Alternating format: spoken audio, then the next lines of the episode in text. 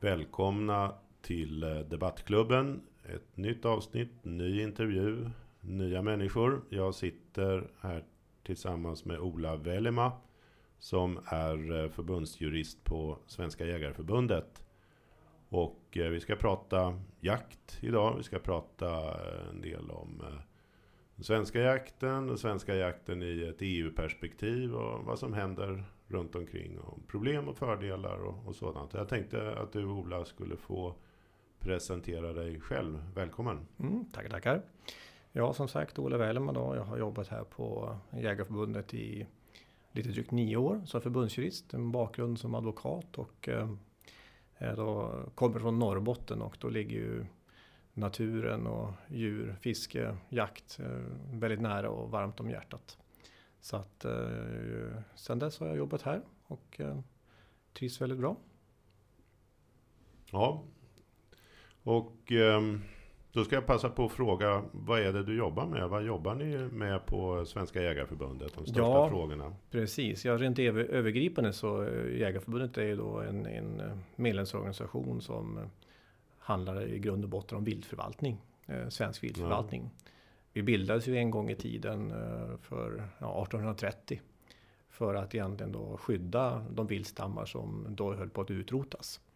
Så att eh, från allra första början så har Jägarförbundet värnat viltet och försökt då att eh, förvalta det på ett långsiktigt hållbart och klokt sätt.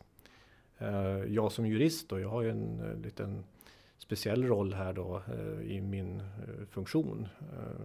Det har blivit som många kanske har noterat mer och mer juridik kring viltförvaltning. Det, det. det är inte alltid myndigheter och politiker som avgör, eller rätt sagt, det är inte alltid svenska myndigheter och politiker som avgör hur viltförvaltning ska gå till. Eh, inte jägarna heller, utan det är då EU och eh, även då domstolarna som då eh, används då av alla intressegrupper för att få sin, sin vilja fram.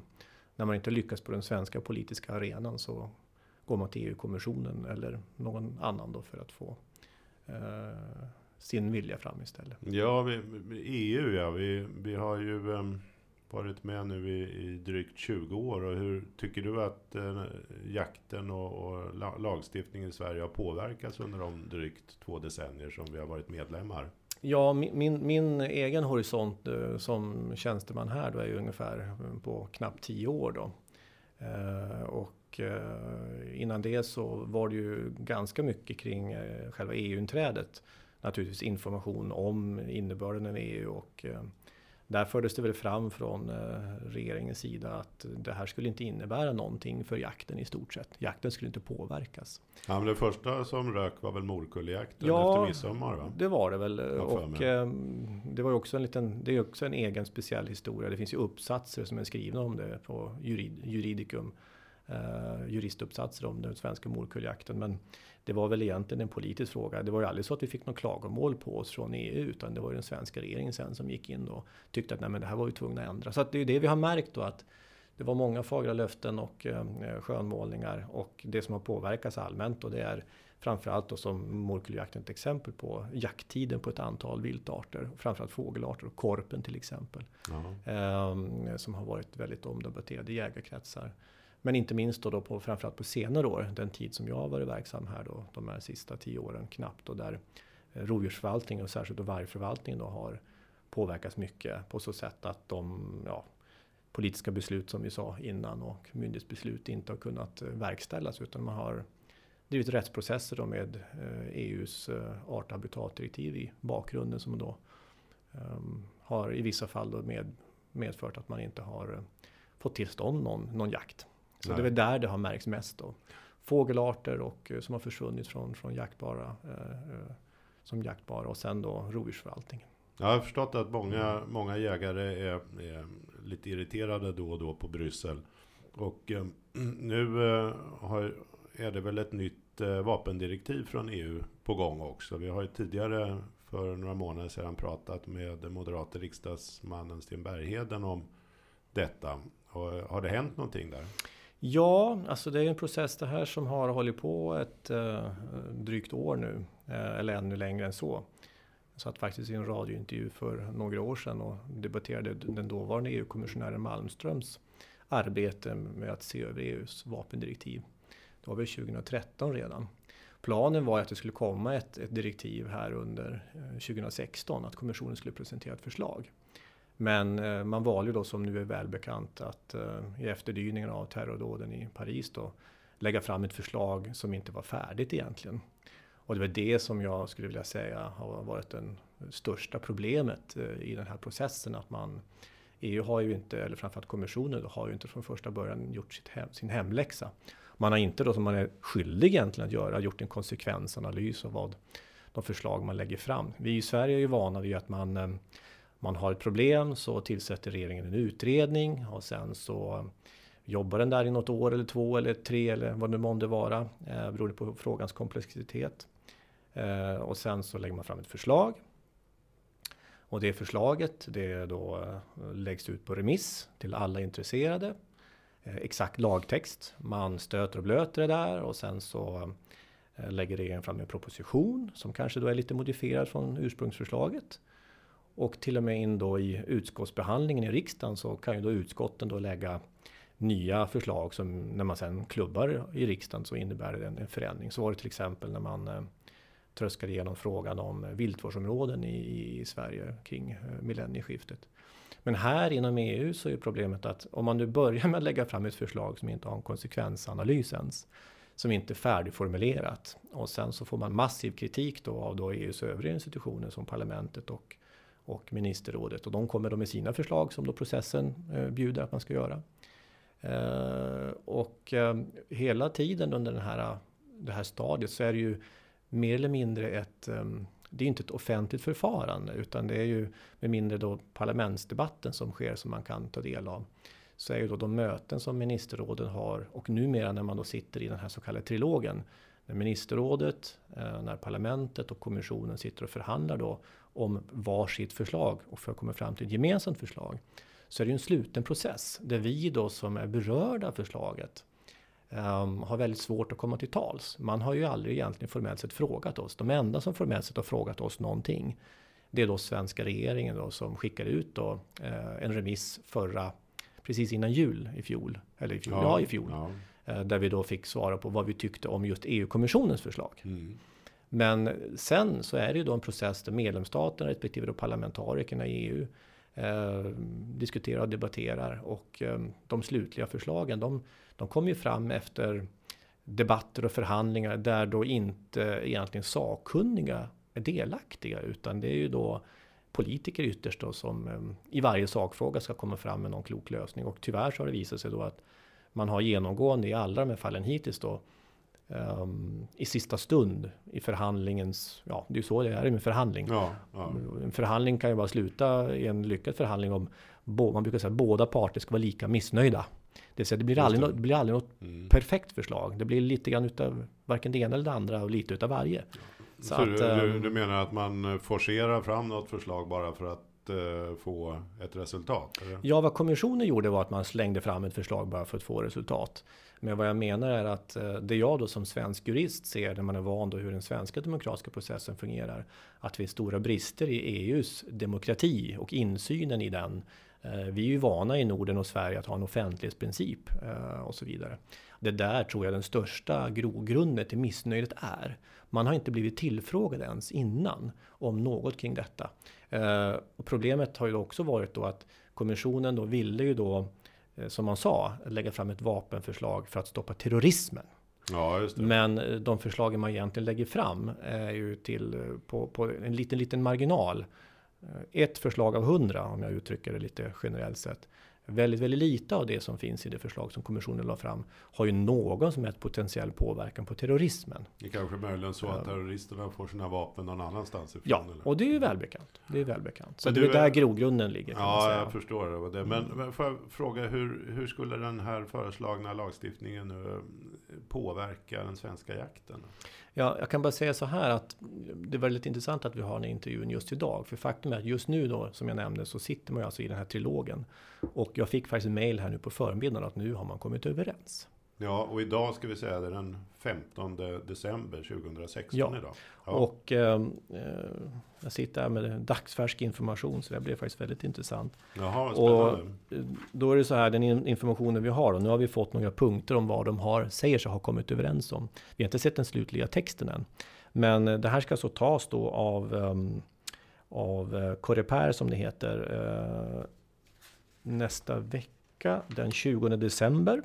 Ja. Eh, sen ska då parlamentets kommittén rösta om det den 25-26 januari. Och sen ska eh, hela parlamentet ha en röstning i plenum då under 2017, våren. Innan det sen också slutligen ska godkännas av ministerrådet och EUs Ja. medlemsstater. Så att vi, vi, vi vet kanske idag lite grann vad det innebär. Men det kommissionens, det kommissionens förslag, ursprungliga förslag Mm. eh, sa. Det var egentligen, man, man ville, eller kontentan av det man skrev i förslaget var att man ville förbjuda alla halvautomater Just det. oavsett ändamål Ja. eh, som då hade löstagbara magasin. Mm. Man ville förbjuda distanshandel med vapen. Man ville eh, alltså förbjuda eh, all och distanshandel. Det är alltså när man ringer till varandra, skriver brev, skickar e-mail eller då annonserar på internet eller någonting annat. Att man då Ja, allt annat än som du och jag sitter här mitt emot varandra och skakar hand. det. Då är det distanshandel. Det vill man förbjuda så länge produkten som sådan var vapen. Man ville också införa um, femårslicenser. Ja, Så att man då regelbundet skulle då kontrollera om eller var tvungen att söka om sina just licenser. det. Men det har man väl på pistol idag? Ja, det har man i Sverige på pistol och Mm. helautomatiska vapen idag. Helautomatiska De få k-pistar vi har och de pistoler vi har. Men det är ju då en mycket, mycket liten del av det totala Just det. vapeninnehavet. Mm. Eh, och sen ville man också ha obligatoriska läkarkontroller och ehm, ehm, eh, vad man också föreslog kommissionen var att man ville då, det som påverkar skulle, ha på, skulle ha påverkat svenska förhållanden, det var att man ville då ta bort möjligheten för de som är under 18 år att inneha vapen. Vi har då i Sverige till exempel då skidskyttegymnasier och vi har Ja. naturbruksgymnasier där man utbildas i jakt. Olika typer av idrottsgymnasier då, eh, som också skulle bli påverkade. Där man då inte längre skulle kunna då eh, hålla på med skidskytte till exempel. Eller då eh, jakt på, på Ja, naturbruksgymnasier. Men får jag fråga ändå, eh, Ola här. Jag, jag är jägare, jag har, har jagat Mm. i många år och och jag har en, en, en full vapengarderob om man säger så. Men jag har ju inget, tror jag, av de här vapnen då som skulle omfattas av de nya direktiven. Behöver man verkligen ha det som jägare? Ja, det är det som är det lite intressanta här. Eh, mycket, mycket i det här eh, mm, vapendirektiven har ju då fokus har hamnat just på vapen som sådana. Eh, det finns ju då andra, de andra förslagen skulle påverka jägarna mycket mer. Det här med förbud mot distanshandel till exempel. Det finns ju ingen anledning att förbjuda någonting som redan kräver tillstånd. Man är ju skyldig att ha tillstånd för att få sälja ett vapen. Och eh, om det då är illegalt att sälja ett vapen så blir det inte mer illegalt bara för att man gör det på internet. Nej. Det är det som är liksom lite motsägelsefullt. Eh, De, de halvautomatiska vapen som skulle ha påverkats med kommissionens förslag. Det var ungefär eh, lite drygt 30 000 halvautomatiska vapen vi har för jakt. Och vi har eh, cirka eh, 2 miljoner tillståndspliktiga vapendelar i Sverige idag. Då är det både jakt och målskytte. Men av det så står det jaktvapen för den stora majoriteten. Jag har inte de exakta siffrorna men vi har väl i storleksordningen eh, en miljon eller någonting liknande eh, andra gevär för jakt. Ja, Ehm, och ehm, det som då hade varit problemet är ju att för vissa jaktformer och särskilt för vissa typer av personer så är då det här ett vapen som är högst lämpligt. Ehm, man använder då halvautomatiska vapen framförallt om man då är lite rädd för rekyl. För man måste ju ha en kraftig, hyfsat kraftig kaliber för att ta Just koll det. på vissa större hjul ja på ett eh, invändningsfritt sätt. Vi ska ju då eh, ändå, vi måste tänka på jaktetik och eh, djurens eh, lidande så att säga. Man får inte bedriva jakt så att djuren orsakas onödigt lidande. Men ska vi säga också, för, när, när vi Mm. pratar om svenska halvautomatiska jaktvapen så Mm. är det väl inte så att man kan ha 20 skott i magasinet och nej, bränna iväg hur nej, som helst? Precis, absolut. Utan vi, vi får ju då ha femskottsmagasin eh, och om vi jagar då arter som omfattas av EUs regelverk, fåglar och eh, till exempel de stora rovdjuren, då får vi ha tvåskottsmagasin Ja, bara. det. Eh, Så att, men eftersom EU-kommissionens förslag var formulerat så att alla som då hade, alla halvautomatiska vapen där man kunde stoppa i ett stort magasin, de skulle omfattas. Men i vilket fall så de vapen vi har idag med femskottsmagasin till exempel som vi jagar med. Som idag är utvecklade för jakt. De är designade för jakt från början och ser ut som jaktvapen. Det är ingenting kontroversiellt. Vi har ju regler redan idag i Sverige som säger att så måste det vara för att få ett jaktvapen. Mm. Ehm, det är då de personer som behöver dem. Det är de då som är kanske då som sagt rädda för rekylen. Eller blir påverkade av rekylen ska jag säga. Och ett halvautomatiskt vapen använder ju då rekylkraften i vapnet alternativt gastrycket i patronen för att ladda om och det förtar rekylen. Ehm, och eh, samtidigt så kan man då skjuta ett andra skott om det skulle behövas snabbare. Så om man då jagar Utan till exempel... Utan att göra mantelrörelse eller Ja, man ligger kvar i målet så att säga på ett annat sätt. Ja, och det, det betyder att snabbare. om man till exempel jagar vildsvin som framförallt lantbrukarna i Sverige har eh, bett oss jägare att göra väldigt mycket. Jag vet inte om man ska säga bett men man skriker i högan sky över skador av vildsvin och sånt där. Och man vill ha en effektiv vildsvinsjakt. Mm. Och om man då jagar vildsvin till exempel då med hund, ja eh, då kommer de springande Eh, i flockar och ibland så kan det vara så att man kan då kanske skjuta mer än ett djur på samma pass när man står i skogen på ett ställe och, och det kommer en, en flock med vildsvin förbi. Kommer ett vildsvin och det springer och man skjuter på det, då vill man vara säker på att det ska dö. Eh, och om man då när det springer inte gör ett perfekt skott, då kan man behöva ett snabbt andra skott. Eller till och med som sagt, om det kommer flera djur, att man då kanske till och med kan fälla två stycken på en gång. Så kraven på att vi ska jaga vildsvin och att vi ska göra det mer effektivt, men ändå med bibehållen jaktetik och eh, respekt för, för viltet, så är då just halvautomaten ett vapen som blivit vanligt i hela Europa. Uh, så då får jag kanske sälja min gamla dubbelstudsare då om det, det blir någon annan lagstiftning här framöver. Dubbelstudsen behöver du inte sälja. Nej, nu så tror den räknas inte in i... Nej, det är ju inte en halvautomatisk utan det är manuellt. Eh, det är inte ens ett manuellt repeterande. Det är ett enkelskottsvapen. Fast den har två pipor. Jaha, ja. Um, det ja, är lite intressant. kan vara bra att veta och kan jag behålla den. Precis, mm. det är ingen fara. Och som det ser ut nu då så uh, vad parlamentet och ministerrådet gjorde i somras var att de kom ju då fram med förslag som då sa att um, bara då halvautomatiska vapen i kombination med ett stort magasin. Och med stort magasin så menar man lite olika i och för sig, men den, det man har landat i när det gäller eh, gevär är att man ska då inte ha ett halvautomatiskt kulgevär med större magasin än 10 skott. Men det här är då, de här eh, föreslagna nya reglerna då är, är, skulle man kunna säga, någonting som har kommit till för att råda bot på ett problem. Men sen eh, råkar man skjuta ner ett annat också? Är det ungefär? Ja, om man säger så här. Eh, vilka... För de svenska jägarna är kanske inte representativa när det gäller terrorism i, i Europa. Nej, det är det som är problemet. Man, om, om kommissionen tror att man ska stoppa terrorismen genom att reglera vilka vapen jägarna och skyttarna använder. Som sagt, de svenska jägarna skulle inte påverkas uh, nu med det här förslaget som det ser ut om man nu har en begränsning på 10 skottsmagasin. Vi får bara använda 5 skottsmagasin idag. Det är ingenting jägarna påverkas av. Däremot så är det vissa sportskyttar som använder halvautomatiska kulgevär med större magasin. Men de ska då enligt det här förslaget från ministerrådet och parlamentet i somras och som det verkar nu då kunna få möjlighet till undantag.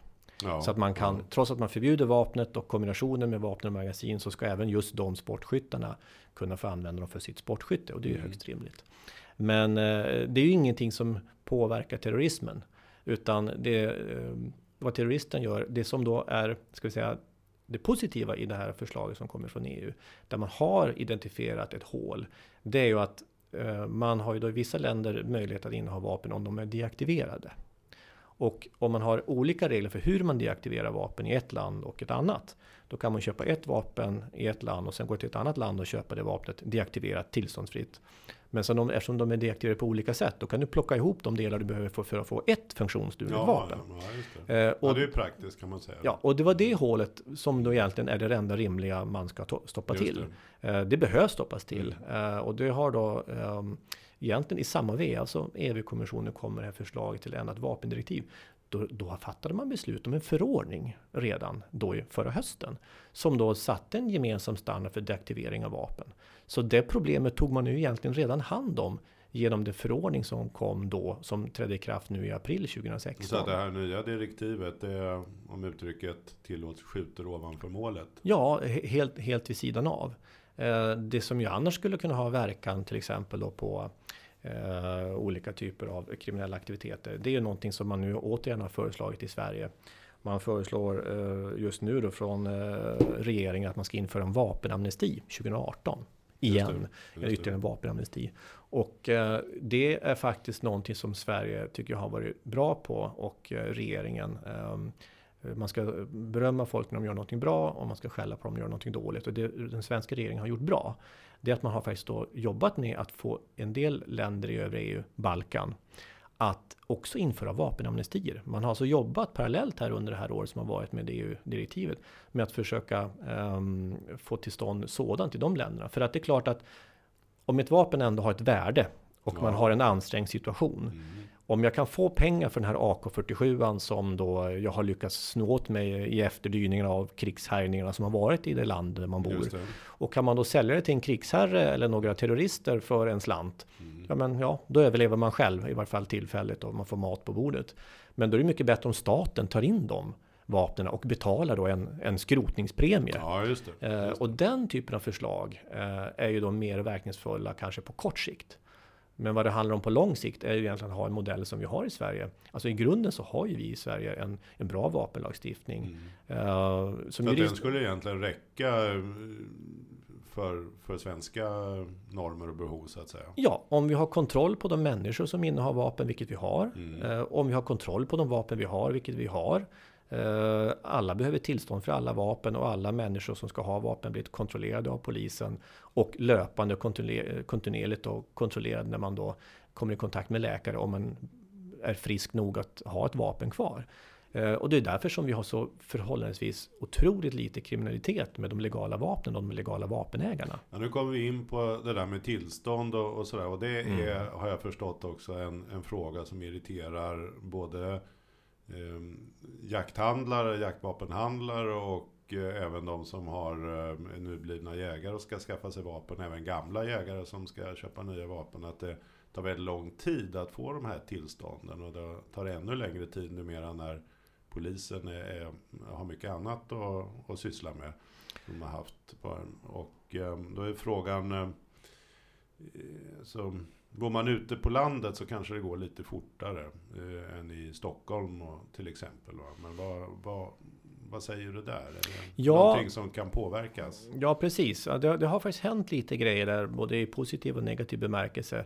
Det är faktiskt inte så riktigt som du säger längre. Förr var det så att storstäderna släpper efter. Det, det har varit så att de senaste 7-8 årsperioden, då har man haft problem i storstadsområdena med långa handläggningstider. Men, och det har berott på eh, att man inte har återbesatt folk, tjänster som har slutat, gått i pension och så vidare. Men man har då i Västra Götaland framförallt, skulle jag vilja påstå, eh, misshushållet med de resurser man har. Ja. Eh, samma sak i Skåne där man har haft ett stort inflöde av legala vapen och med införseltillstånd och så vidare. Så det kommer oftast in där. där har man inte kunnat Eh, tillsätta resurser från eh, länets poliskår till tillsynsenheten. Så att man har, man har släpat efter. Men sen man gjorde om polisorganisationen då har ju det här smetats ut över landet kan man säga. Stockholm har återhämtat sig, man har tillsatt folk. Där har man ganska gott om personal, inte alls så långa handläggningstider längre. Sen har man nu då i den här regionsindelningen som har skett så fördelar man alltså ärenden mellan regionerna. Ja. Eh, och det betyder att i hela region norr så har man samma handläggningstid. I hela region väst, eller allt vad de nu heter, i syd, eh, då har man samma handläggningstider. Så att man, eh, det var väldigt korta handläggningstider förut i Uppsala och på Gotland, i Södermanland. Så var det längre in i Stockholm. Men nu är det samma i hela regionen och Gotland och Stockholm och så vidare. Och det är samma handläggningstid i, i, i både eh, Östergötland som i, i Södermanland numera. som det inte var förut. skulle man kunna säga då att den här i övrigt ganska utskällda omorganisationen av polisen har i alla fall gynnat eh, de som eh, söker jaktlicens till exempel? Nej, det vill jag inte påstå. Eh, vad jag säger är bara att det har blivit eh, längre handläggningstider för de som haft det bra tidigare. Det blivit kortare handläggningstider för de som haft det långa handläggningstider. Ja, så alla har det lika dåligt? Det har smetats ut. Ja. Sen har man också från polisiärt håll tillsatt en extra resurs som betar av de äldsta ärendena i hela landet. Så att det ska egentligen ha kommit ner nu på typ 8 eh, till 10 veckor i hela landet. Eh, som värst var det 20-25 veckor i södra Sverige. Jo. Men samtidigt så säger då justitieombudsmannen i de ärenden där man har kritiserat Polismyndigheten eh, och, eh, och polisen själva säger att det ska inte ta mer än 30 dagar. Och vi är ju långt ifrån där än fortfarande. Och tyvärr så är det så i den här nya polisorganisationen. Vi har ju då legat på. Regeringen har också gett polisen ett uppdrag för att uh, korta de här handläggningstiderna och redogöra för de åtgärder man vidtar och nu här då slutligen i mars 2017. Um, men eftersom det fortfarande är turbulent i polisorganisationen så säger polisen själva att de är inte säkra på att de får behålla alla handläggare som de har idag. Och det betyder att man måste vara fortsatt väldigt aktiv på polismyndigheterna, se till att återbesätta de tjänster som slutar. Eh, för att kunna bibehålla den service man då. Ja, man strävar att komma ner till i mars 2017, komma ner till 30 dagar. Och för att lyckas med det så, så måste man tillsätta, eller se till att bibehålla de resurser man har. För det här får väl konsekvenser, de här långa handläggningstiderna får väl konsekvenser har jag förstått, inte minst från jakthandlare som eh, får de måste ju ligga på vapen de har sålt ända tills licensen är klar. De får inte ja, lämna ut någonting och, och den fulla betalningen kommer inte förrän de har sålt sitt vapen. Ja, nu är väl det också kanske en sanning med modifikation, modifikation, men det är ju ändå så man måste ligga med en väldig massa vapen i lager och sen är det också så här att en vapenhandlare har ett, ett tillstånd man får inte inneha hur många vapen som helst, utan det finns ju tak i tillståndet. Ja, och man kan ju de facto nå i tillståndstaket och då är det stopp i verksamheten. Det. Och det finns ju några exempel på bland annat då småländska vapen som är en anrik vapenhandel i Småland då. Eh, som gick i konkurs för ett tag sedan där man då bland annat påstår att det här är en stor del av eh, orsaken. Det var just Region Syd då, som hade de värsta handläggningstiderna. Man fick ju vänta ett halvår på ja, vapenlicens. Och då fick man inte in, man, man fick betala moms och avgifter, man fick inte in pengarna var det så? Ja, så. jag vet inte exakt förhållande varje, varje fall. Men alltså det har framförts i flera fall. Det. det är flera vapenhandlare som har gått i konkurs och det här är väl i vart fall en väldigt stor bidragande orsak, kanske inte den enda alla gånger naturligtvis. Men då är det i alla fall så att vi kanske ska räkna med kortare handläggningstider framöver. Ja, polisen påstår ju det, men som sagt, det, det gäller att man tillför resurser. Sen gäller också att man använder de resurser man har på ett klokt sätt. Där har vi fortfarande brister, tror jag, i Västra Götaland. Eh, som det visar sig. Där polisens egen redovisning visar att man man handlägger, nu har jag inte exakta siffrorna i huvudet, men eh, om man ligger på 1000 eh, till 1200 ärenden per år i Gotland per handläggare. Så låg man då i storleksordning till 3 till 400 ärenden per år i Västra Götaland. Reservation för att jag säger fel, mm. men det, det är det häradet. Så att man har en, en avsevärt mycket lägre produktivitet där om man uttrycker sig så. Och det gäller ju då att man hushåller med de resurser man har. Sen är det ju så att eh, man kan göra också väldigt mycket mer om man skulle vilja göra. Förutom det uppenbara att tillsätta massa mer resurser. Eh, så skulle man kanske också kunna skruva i vapenlagstiftningen lite mer. Vilket Jägarförbundet har föreslagit. Då. Hur, hur tänkte du då? Ja, eh, vi har i storleksordningen 60 till 70 000 vapenlicensansökningar varje år i Sverige. Och um, av dem så skulle jag uppskatta att det är cirka 15 till 20 000 nya vapen varje år. Som alltså, in, som är alltså nytillverkare som kommer ut på marknaden. Ursäkta. Eh, och det, vad, vad, vad, vad, som oftast händer i en transaktion är att oftast så handlar man av en vapenhandlare. Man kan också handla privat naturligtvis. Men om man går in till en vapenhandlare och säger jag vill köpa en hagelbössa. Ja, vad fint säger han. Ja, då kan du få köpa den här nya fina bössan. Ja, vad bra säger man. Men jag vill lämna in den gamla. Jag har ju redan ett hagelvapen. Just det. Och jag vill köpa ett till hagelvapen av kanske till och med samma fabrikat och kaliber. Det är bara en ny modell. Eh, vad som händer då är att vapenhandlare kan eh, ta in det gamla vapnet. Man anmäler till polisen att man tagit in det hos sig och så kommer det en, en papper till polisen så småningom. Sen måste jag då söka licens till polisen och jag får inte hämta det nya vapnet förrän jag har fått licensen. Om då vapenhandlaren skulle kunna göra som så att man kunde byta ut ett vapen. Om jag köper ett vapen som är av samma typ som det jag redan har och lämnar in. Då skulle man kunna lämna ut det till det nya. Med en slags, ungefär som när man kör upp för körkort så får man liksom en lapp i handen. Sen kommer det riktiga körkortet ja, sen. Så med stöd av en sån papper så skulle jag kunna gå in och ut i vapenbutiken. Och om då polisen tar en vecka på sig eller en månad eller tre månader spelar ju mig ingen roll. För då, då har man du ju... i alla fall ett ersättningsvapen för det du har lämnat in. Just det precis, för det är det som är jägarnas problem. Man, man, man kan inte byta vapen. Nej, eh, för att det, det, det, tar ibland då ett halvår att få ett nytt. Så man måste ha ingen omsättning nej, på nej. nej. Och då försvinner kringförsäljning och alla möjliga ja, sådana saker. Mm. Men det här förutsätter ju också att om dessutom eh, om dessutom då vapenhandlarna, vilket polisen vill, eh, får ett digitaliserat ehm, redovisningssystem. Man sitter fortfarande med gamla pappersböcker en ja. slags liggare. Ja. Men om man hade ett datoriserat system som kunde kommunicera med polisens system så trycker man på en knapp. Så importeras ju alla data i polisens register och de, det sprutar ut en licens bara som postas. Det behöver ingen handpåläggning alls. Då skulle man, om man hade ett sådant system, då skulle man kunna ta bort i storleksordningen nästan upp till 40 000 av de ärenden som hanteras idag, alltså två tredjedelar. Alltså, och säg att det kanske är en överskattning, så i vilket fall så kan man få en väsentlig förbättring om man blandar in vapenhandlare där och polisen istället, istället för att sitta bara och vända papper, att man inriktar sina resurser på att om det då är någon vapeninnehavare som verkar misskött sig, att man lägger resursen på att hantera de ärenden som gäller återkallande vapenlicenser, omhändertagande hos personer som inte borde ha vapenlicens, det vill säga som faktiskt kan göra skillnad eh, ur ett säkerhetsperspektiv för samhället. Mindre administration, mer arbete, fokus på kontroll och eh, så att säga åtgärder som kan få verkan. Ja, Sen finns det annat man kan göra också. Man kan ta bort en del andra sådana här tillståndsärenden som är ändå ett antal tusentals ärenden per år. Till exempel införsel, införseltillståndskravet. Om en tysk vill komma hit och jaga så måste han söka införseltillstånd hos svenska polisen. Polisen säger att man gör det därför att man då vill ha kontroll på de vapen som kommer in. Mm. Men vi har dessutom en tullagstiftning som säger att man måste alltid deklarera när man åker in då med ett vapen i Sverige. Även om du har ett europeiskt Även om man har EU-vapenpass så ska det tulldeklareras. Mm. Det måste även svenskar göra. Man ska alltid deklarera i tullen när man åker förbi med ett vapen. Ehm, och det enda polisen gör där är att man tittar att man har ett EU-vapenpass, skriver i ett papper och sen så skickar man vidare. Och det där tar 6-8 veckor och kostar 700 spänn. Och enligt min uppfattning och Jägarförbundets uppfattning så, så strider det faktiskt mot EUs vapendirektiv redan ja, idag. Ja. Uh, och tar man bort det, ja då försvinner ett antal tusentals ärenden som skulle man kunna lägga resurserna på ett annat sätt och istället då faktiskt vilket jag kan tycka är anmärkningsvärt som vapenägare själv. Om jag åker in och ut i Sverige med ett vapen. Ibland så får man ju när man kommer till Arlanda och uh, vill komma i kontakt med tullen för att göra deklarationen, då finns det ju ingen där. Då får man gå och lyfta på en telefonlur och be dem komma.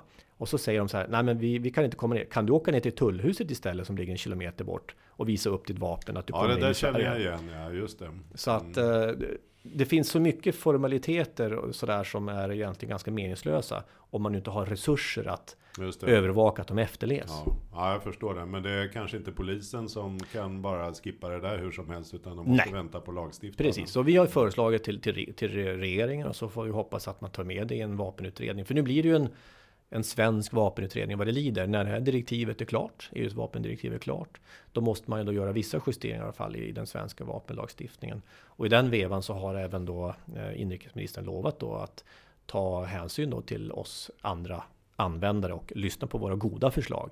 Vi vill ju ha en, eh, en översyn av vapenlagstiftningen ur ett positivt perspektiv där man kan göra förbättringar som eh, så att säga kommer hela samhället och särskilt då jägarna till godo. Vi vill inte ha en, en vapenutredning som bara som det brukar vara heter skärpningar i vapenlagstiftningen. Utan eh, man måste från, eh, det är liksom det det handlar om lite grann som vi pratade inledningsvis om EU och förtroendet för myndigheter och det gäller även de svenska myndigheterna.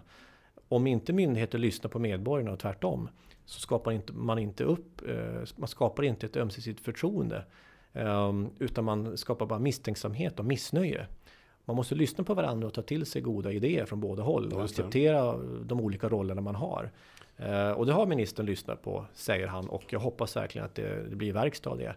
Så att vi till exempel kan titta på sådana här saker. För vi jägare, och andra vapenägare för den delen också, är ju de som kommer i kläm så fort det sker någonting dåligt med vapen. Det är Sven-Erik Bucht som eh, har de här frågorna, eller hur? Nej, inrikesministern, det är Anders Ygeman. Ja, så det är Ygeman, ja. ja. Jaktfrågorna sitter ju Sven-Erik Bucht med. Ja. Eh, men, vapen, men vapenfrågorna, vapenfrågorna är Ygeman, ja. i dagens läge, i den nuvarande regeringen. Mm. Men du, får jag fråga dig avslutningsvis här Ola, hur, eh, om man tittar på de olika partierna, det man brukar säga att jakt är ju ganska spridd rakt över den svenska befolkningen och, och oavsett ursprung så jagar väldigt många människor runt, vad säger vi, 250-300 000. 300 000 jaktvårdslösa ungefär. Ja. Och um, har ni då en känsla av vilka ni har med er och vilka ni har mot er och så av uh, de politiska partierna? Ja, så kan man väl säga. Det är väl ganska lätt att konstatera faktiskt, även om då Jägarförbundet naturligtvis är partipolitiskt obunden utan vi, är ju, vi jobbar ju på, för sakfrågorna ur, ur våran eh, ja. perspektiv som intresseorganisation. Eh, och det är precis som du säger, det finns eh, jägare i alla partier. Eh, 87 procent av Sveriges befolkning är ju positivt inställda till jakt. Eh, så att annars vore det ju konstigt. Men eh, om man tittar på partiprogrammen och det motionsflöde som, som kommer in till, till riksdagen till exempel så är det ju så att Alliansen då har ju då sista tiden under den här nuvarande regeringen gemensamt då stöttat den linje, till exempel när det gäller EUs vapendirektiv, som även vi jobbar för. och i huvudsak de jaktliga frågorna. Mm. tittar man på regeringen så har ju Socialdemokraterna en lång tradition av att vara förankrade bland, bland landsbygden och vanliga människor och i ja, deras vardag. Ja. Däremot så har ju då Miljöpartiet då fört en politik, även om det finns då eh, miljöpartister som också är jägare och eh, förstår landsbygdens villkor. Men man är ju ett medvetet storstadsparti. Eh, och har ju inte fört en politik som främjar jägarna, eh, tvärtom, utan man vill nog snarast eh, motarbeta oss. Ja. Och det är väldigt olyckligt ja. för att eh, det kan man ju då Eh, jag menar, återigen, ungefär som jag sa tidigare, man måste bygga upp förtroende och skulle Miljöpartiet vilja uppfattas som att man faktiskt bryr sig om jakt och jägare så får man ju föra en sådan politik också. Just Men det. Det, det. har väl varit lite si och så med det. Ja. Ja, jag förstår. Du, eh, eh, det var väldigt fylligt och bra det här, tycker mm. jag. Ola, eh, tack ska du ha. Är det någonting eh, ytterligare du känner att du inte har fått med så, mm. så har du eh, någon minut på dig innan vi måste bryta. Ja, nej, utan jag känner att vi har nog diskuterat de frågorna som, ja. Eh, som är kanske, mest relevanta nu. Får kanske anledning att återkomma framåt vårkanten och se vartåt det barkar med direktiven. Precis. Det kan vara intressant att se också vad de har svarat nu. Precis. På, på jo, det sitter jag och läser igenom just nu. Ja, nej men... Ja, men jättebra. Tack ska du ha, Ola Wellema, som är förbundsjurist på Svenska Jägareförbundet. Mm. Tack så mycket för att jag fick vara med. Tack, tack.